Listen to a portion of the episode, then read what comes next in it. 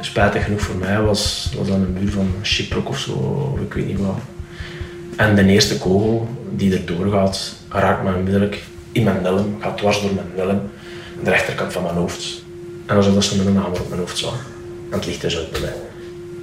Op 22 maart 2016, vandaag exact vijf jaar geleden, werd ons land in het hart geraakt door de aanslagen in Zaventem en Brussel. Hoofdinspecteur Lerre, de man die je hoorde, was toen niet aan het werk bij de speciale eenheden. Hij werd een week voordien neergeschoten door terroristen tijdens een inval in Vorst. Samen met gerechtsjournalist Mark Eekhout vertelt hij zijn verhaal. Het is maandag 22 maart. Ik ben Niels de Keukelare en dit is de podcast van de Standaard.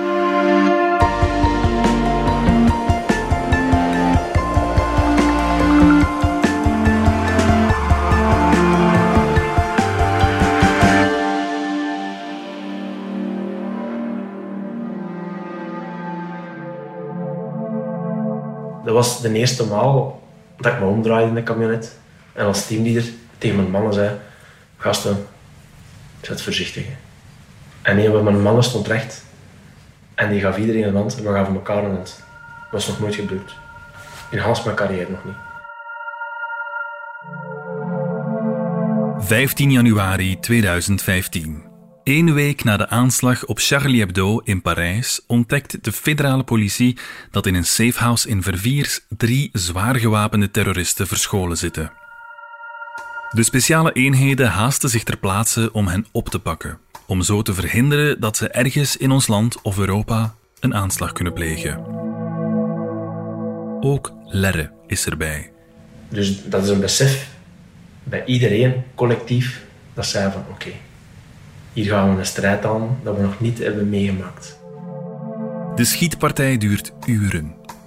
Uiteindelijk slagen de politiediensten erin om twee terugkerende Syrië-strijders dood te schieten en een derde te arresteren. Ik deel mijn carrière ook in als voor Verviers en na Verviers. En iedereen dat er heeft gestaan, gaat dat doen, denk ik. Ze beseffen er is een nieuw tijdperk ingetreden. Voor Verviers werkten we op weliswaar gevaarlijke criminelen. En hadden we ook uh, vuurincidenten en wat weet ik wat. Maar dat was van een andere aard. Dat was uh, niet van een aard van mensen die zo geradicaliseerd waren dat ze zich ten koste van hun eigen leven gewoon alles geven. Dus we hadden dat nog nooit gezien. Dat was een kentering in, uh, in onze vijand in feite. Ook op de redactie van de Standaard zijpelt dat inzicht binnen. Niet het minst bij Mark. Ik zat uh, in mijn auto toen uh, ik telefoon kreeg van een van mijn bronnen die mij vertelde wat er in Verviers was gebeurd. Dat daar uh, terroristen waren neergeschoten die een uh, terreuraanslag aan het voorbereiden waren. Ik ben toen meteen naar de redactie gereden en ben dan beginnen bellen om, om ja, de feiten juist te hebben. Maar toen al op de krant was bij ons het besef ja, dat, dat de dingen nooit meer zouden zijn zoals voorheen. Hè. Dit was het begin van een nieuw tijdperk. In de maanden daarna ja, zat eigenlijk iedereen te wachten op wat onvermijdelijk was of leek. Een grote aanslag. Die is dan uiteindelijk gebeurd in, uh, in, in, in Parijs, hè, Stade de France, de Bataclan. Mes chers compatriotes, au moment où je m'exprime, des attaques terroristes d'une ampleur sans précédent sont en cours euh, dans l'agglomération parisienne. Tijdens de aanslagen in Parijs in november 2015 vallen 130 doden en meer dan 350 gewonden. C'est une horreur. Ja, toen bleek ook nog eens de dagen nadien dat eigenlijk alle daders uit Brussel waren vertrokken uit Molenbeek.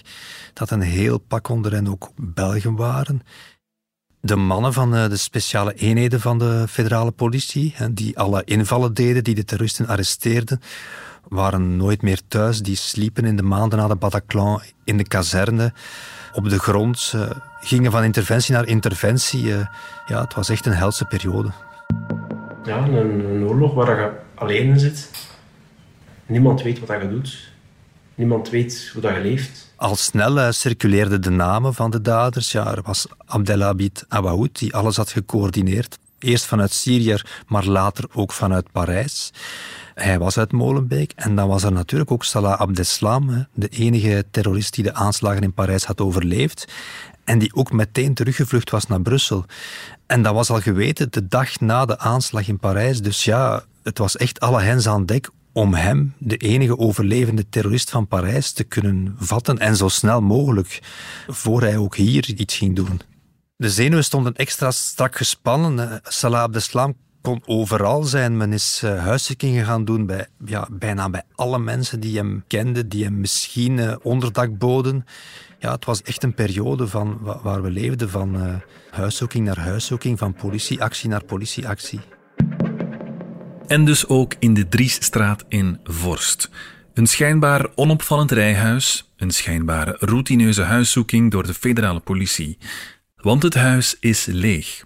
Of dat is toch waar ze van uitgaan, die 15 maart 2016. Tot er wordt gevuurd.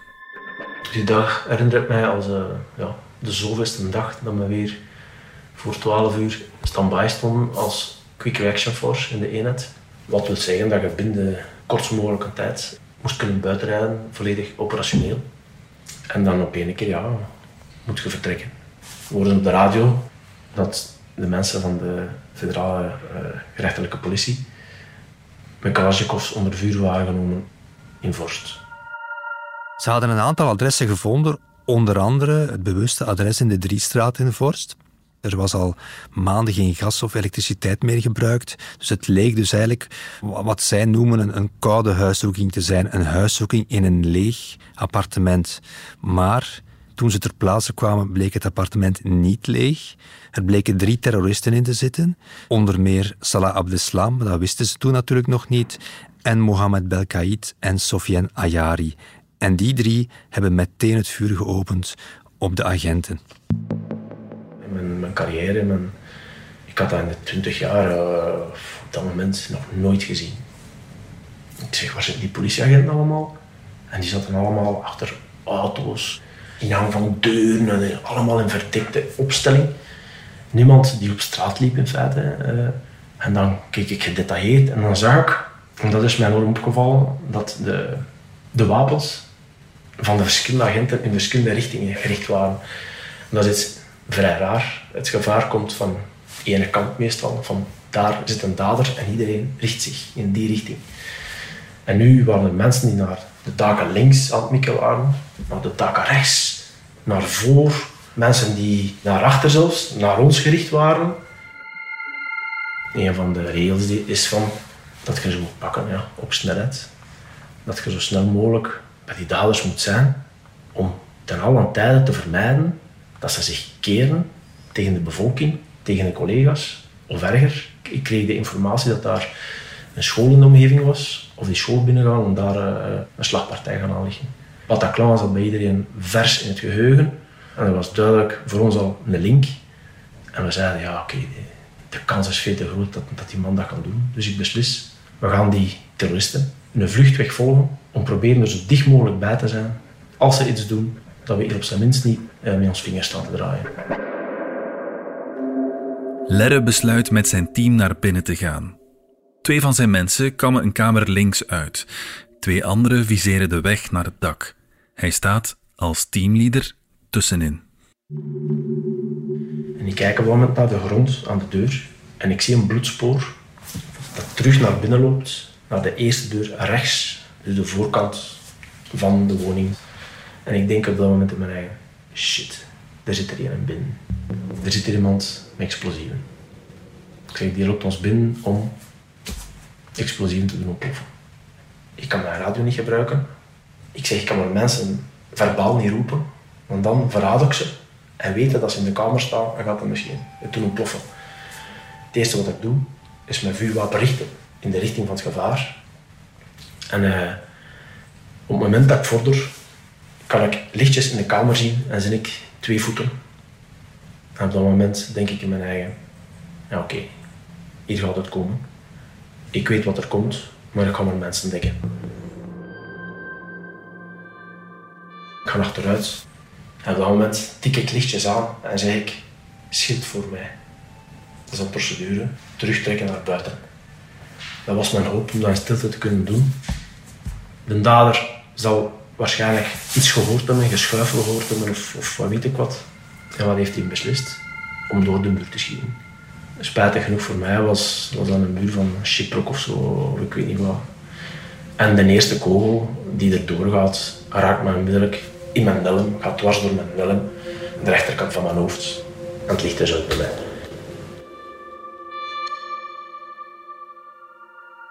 Fly heeft het ooit gezegd. Eh, Fly kent iedereen wel van uh, Campoise. Ik ken Fly ook persoonlijk. We hebben samen vele jaren geleden, in het begin van mijn carrière, de opleiding gevechtsduiker gevolgd. Hij heeft altijd gezegd in, in een van zijn programma's, als je geraakt wordt door een Kalashnikov, of dat nu een arm is of een been, eender waar, is je carrière gedaan. Voor Lerre was het dan uh, gedaan, maar voor zijn collega's natuurlijk uh, nog helemaal niet. Er zijn verschillende ploegen van de speciale eenheden uh, ter plaatse aangekomen. Ja, die hebben het appartement belegerd. er is een vuurgevecht losgebarsten dat heel lang heeft geduurd, want de terrorist die binnen zat en schoot, met name Belkaid, is heel lang blijven schieten. Uiteindelijk is die man doodgeschoten door een sluipschutter. Hij bleek nog de enige te zijn die in het appartement was, want de andere twee, Sofian Ayari en Salah Abdeslam, die waren gevlucht langs de tuin. Dat was dan ook meteen het begin van een grote klopjacht op Salah Abdeslam en Sofian Ayari. Want u moet weten, de speurders wisten natuurlijk niet zeker dat het net die twee waren die gaan lopen, maar al heel snel werd gedacht dat het niemand anders kon zijn.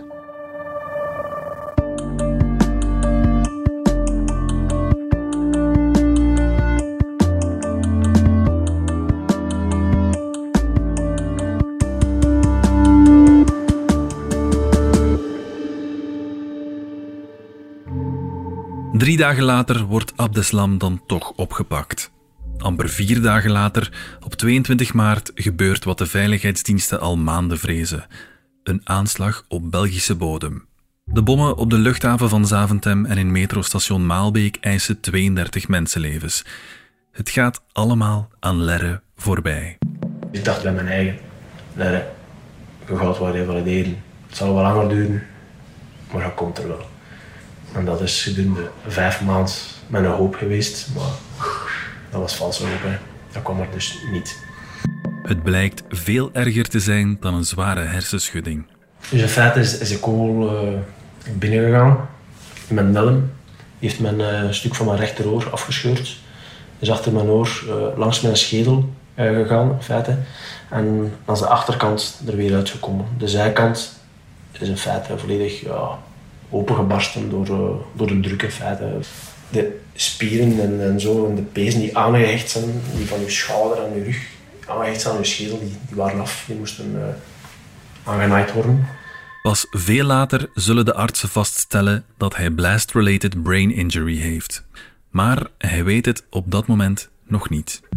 Het probleem is bij mij ook geweest, ja, in Belé, ja, geen ene dokter of specialist had ervaring met de impact van een Kalashnikov-kogel. Lerre gaat terug werken. Halftijds en niet op het terrein. Hij houdt zich sterk, maar eigenlijk heeft hij het moeilijk. Mijn, mijn achteruit. Dat is nu al een klein beetje verbeterd weer, maar ik begon echt te stotteren. Ik vond de woorden niet. Ik begon een geheugenverlies te krijgen, maar echt over zaken dat niet normaal zijn. Ik begon te schrijven, ja, zoals een ongeletterden. Zware schrijffouten maken, maar echt zware schrijffouten. Dingen vastgrijpen, altijd laten vallen. Naar iets grijpen, naast grijpen. Uh, mijn, mijn zicht begon achteruit te gaan. Ik, ik werd doof langs mijn rechterkant, ik hoorde niet goed meer. Terwijl Lerre revalideert, raast de wereld door. Op de redactie van De Standaard draait Mark samen met veel collega's overuren. De dagen en zelfs de weken na de aanslagen van Brussel en Zaventem waren ongelooflijk chaotisch.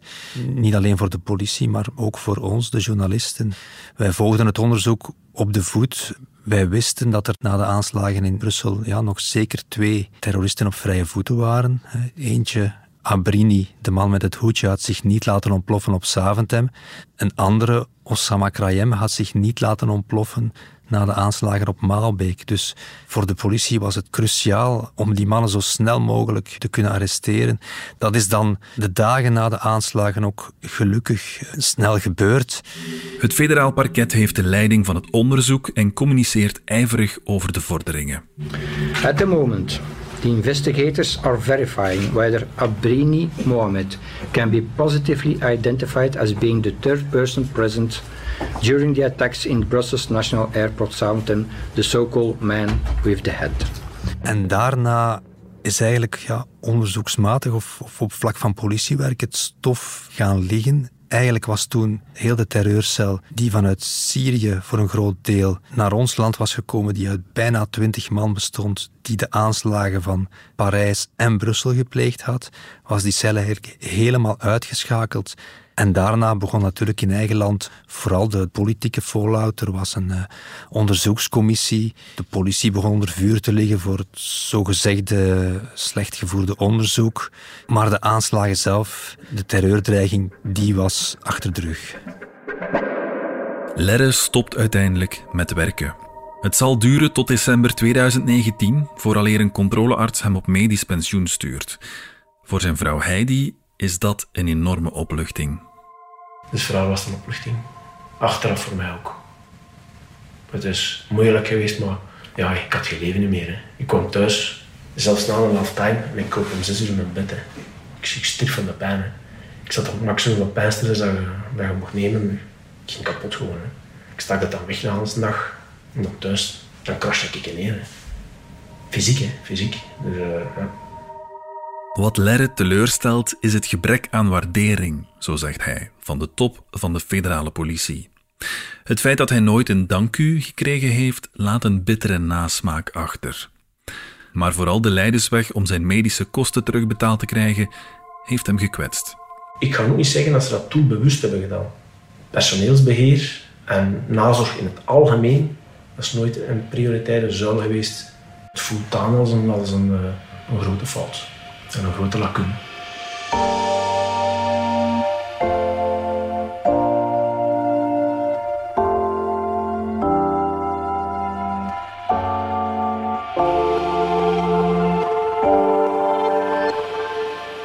We zijn vandaag vijf jaar later, misschien meteen meegeven voor de volledigheid. Lerre is een schuilnaam. Als ex-lid van de speciale eenheden blijft zijn identiteit geheim. Mark Eekhout in onze studio, hoe gaat het nu met Lerre? Wel, om het met zijn eigen woorden te zeggen, uh, u moet zich om mij geen zorgen maken. Uh, ik trek mijn plan, ik doe voort, ik klaag niet en ik zaag niet. Hmm. Maar natuurlijk, hij is nu voor 65% eh, invalide verklaard. Hmm. Er zijn veel dingen die hij niet meer kan. Hij heeft blijvende hersenschade, hij heeft ook geregeld epilepsieaanvallen. Ja, het lijkt mij niet evident om zijn job dan nog uit te oefenen. Ja, toen uh, de controlearts vaststelde dat Lerre niet meer kon werken, was dat natuurlijk een heel tristig moment. Want hij deed dat werk doodgraag en dat was zijn ultieme droom. Mhm. Hij wilde ook per se terugkeren naar wat hij deed. Maar de controlearts zei, ja, Lerre, stop met u te kwellen. Doe dat niet. Stop ermee. Je kunt het niet meer. Mhm. En dan zegt Lerre daarover van ja, ergens was het wel een opluchting, want ik wist diep van binnen dat het niet meer ging, dat het nooit meer zou lukken. Maar toch heeft Lerre totaal geen spijt van zijn 24 jaar die hij bij de speciale eenheden heeft doorgebracht. Hij zegt... Als ik morgen mocht mijn leven terugdraaien, wetende wat dat er me nu overkomen is, doe ik het weer. Ja. Zonder aarzelen. We zijn nu vijf jaar verder. Mark, hoe groot is de kans dat zo'n georganiseerde bende een nieuwe aanslag in ons land voorbereidt? Er is op die vijf jaar natuurlijk heel veel veranderd. IS heeft geen basis, geen echte basis meer van waaruit ze kunnen werken, zoals ze ja, in 2013, 14, 15 Syrië hadden. Hmm. Van daaruit was het makkelijk om aanslagen te organiseren. Nu natuurlijk, nu alles veel meer besnipperd is, is dat voor hen veel moeilijker. Hmm. Dus het lijkt erop dat de kans toch veel kleiner is dat er nog zo van die georganiseerde aanslagen met alles van voorhand gepland uh, zullen komen. Het risico op aanslagen gepleegd door lone wolves, hè, plots geradicaliseerde mensen die, die besluiten tot de actie over te gaan, ja, dat risico bestaat nog altijd natuurlijk. Mm -hmm. En ik vrees ja, dat dat soort aanslagen nooit te vermijden zal zijn. Tot slot, we wachten wel nog altijd op het proces tegen de daders van de aanslagen op 22 maart in Brussel. We zijn klaar voor het eerste deel van het proces. Er is hard gewerkt geweest door de FOD Justitie, door de mensen van het federaal parket, door het consortium ook. Dit gaat over een zeer groot proces met bijzonder veel burgerlijke partijen. En dus daar moet rekening mee gehouden worden. Dat was justitieminister van Quickenborne. Hoe zit het nu met dat proces? Ja, dat proces komt er. Dat is nog altijd in voorbereiding. Ergens binnen het jaar gaat er een proces kunnen komen. Ja, dat gaat een enorm assiseproces worden. Ja, het grootste en het langst durende dat ons land ooit gekend heeft. Een proces waar de slachtoffers tegenop zien. Ja, waar denk ik ook het gerecht tegenop ziet. Net omdat het zo lang zal duren. Maar bon, het komt er. En de daders van de aanslagen van 22-3 en hun medeplichtigen zullen er in elk geval terecht staan. Oké. Mark Eekhout, dankjewel. Graag gedaan. Dit was de podcast van de Standaard. Bedankt voor het luisteren. Wil je reageren? Dat kan via podcast.standaard.be. Alle credits vind je op standaard.be-podcast. Morgen zijn we er opnieuw.